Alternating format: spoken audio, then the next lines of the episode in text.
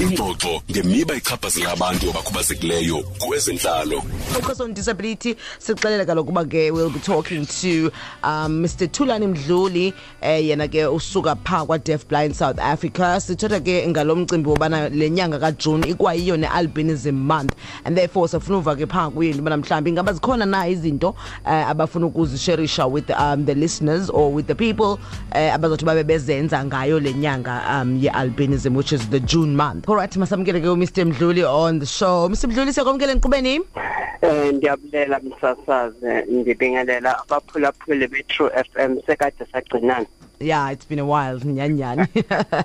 Uh, all right um phambi kobana ke singene kulo mxholo wethu wanamhlanje qabaqaba nje Mr. Uh, Mdluli usixelele uba udef blind south africa lo umele ntoni kanene ubenza ntoni yonke loo nto leyo?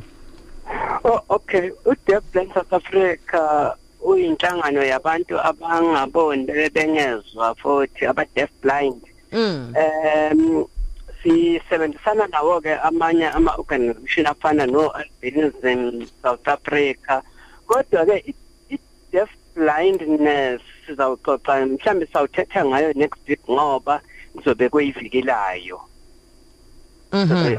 yes izoba next week eh kule nyanga kukhulunywa nge ngelontuzana nge-albinism ne-deaf blindness eh i- iwona ama-disability okungathi gxilwe kuwo kakhulu kule nyanga le ujune u-youth month okay.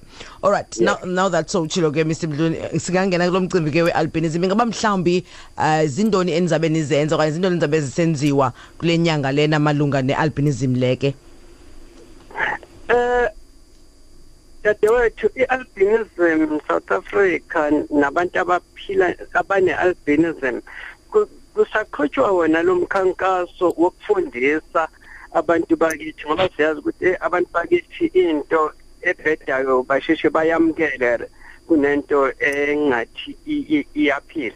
Eh nokufundisa ke ngamalungelo abo abantu abane-albinism dadewethu njengoba wazi ukuthi baphila eh baphilisa kwenyamazane kulesikhathi samanje. Angazi inyamazane ngesixhosa yini kepha bazangixolela balaleli eh isizathu saloko ile inkololo ile inkolelo ze eziqhamuka nabantu em one yokuqala nje dadewethu ake ngokhe ngizogcina ngayo leyo. Em nanokufundisa ke ezikoleni nge albinism ukuthi abantu abane albinism bahamba hambe babe ne problem ye sight ngenxa ye skin sabo. Mm. um yes. Bebe benga bangaboni kahle through iboard eh esuke ibhalwe lapha phambili. So that's why kubalulekile ukuthi uthisha onomntwana one albinism ak- aqaphele ukuthi uyabona yini lapha lapha ngoba eh, Sorry. Mhm. sathi- hello? Thetha Mr Mdluli? Oh yes. Eh ngoba siyasikhuthaza ngona ukuthi abafunde ezikoleni eziseduze if kuphephile ngenxa yempilo asebayiphila manje um ngo ngo 2014 kwaphasiswa umthetho wokuthi kumele bavikelwe ngenxa njengoba besengitshilo ukuthi yenkolelo njengokuthi uma ulala nomuntu one-albinism eh uyalapheka wena usuke une-HIV bese ngicabanga ukuthi ulapheka njani ngoba naye ungumuntu njengawe unegazi elishisayo njengawe akukho mehluko. It's only that eh ibala nje yena ube nebala elimhlophe wena. Ake ngithathe kanje eh, zekho uya egarage uyothenga imoto. Mm. i-black. Imoto yakho noma effect nje uyothenga imoto e-black kube khona imoto othola ukuthi isamanyu i- i- i- siqediwe ukwakhiwa kodwa ayikapendwa. Mm. so u- ukuphi umehluko lapha? Ngo- it's only that yakho ipendiwe le ayikapendwa. Kukanjalo ke nasebaleni elimhlophe eh kumuntu onebala elimhlophe ukuthi eh ama jeans wakhe avi lapha ukuthi akhiphe lebala elimnyama. Awukho umehluko ungumuntu nje. Noma ungenzani ngaye kovele kufane uyobuwaste imali yakho ukuthi eh mhlambe u- uthenge icubu ezifana zomzimba wakhe ngoba sikhona lokuthi ena babazingele ngenxa yokuthi bathi eh em banemali. Akanamali nje uyi- uyifanela nawe. Abantu ke abangakholwa lokho into engekho. So bekufundiswa ngazo zonke lezo zinto lama Okay. superstitions ukuthi benze imithi. Umu- eh, even eBhayibhelini kuzela ukuthi kuthiwa khona eh ilentuzana isithubi somuntu siyokwenza umuthi.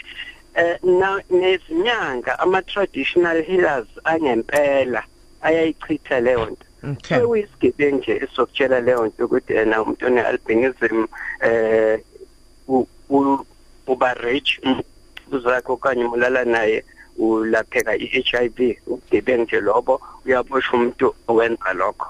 Alright so Mr Mdluli ingaba mhlambi ungabacebisa uthini abantu abatsha ke ingakumbi kule abo bane disabilities kule nyanga ke yabo inyanga kaJune okay engake ngikusho ma special laba bane albinism kwenyanga yabo abangesabi abavele ngaphambili baqhubeke nokufunda bangayi ngokuthi ena eh ababoni kahle abavele akhona ama special school laba lapho bangaya khona if kuukuthi e- endaweni labakhona abakhoni ukucope eh abangasabi even abantu abazali babantwana bane albinism abaqalelela ukubanakekela bese bancane isikhumba sabo ngoba sisensitive ekushiseni sensitive sensitive eh kumakhaza ngoba sigcina sesenza iyo cancer okay. Skin cancer so ah, abasukume nje babanakekele kakhulu. Alright sibambe ngazibini sibulele kakhulu kuwe Mr Mdluli ube nemini emnandi.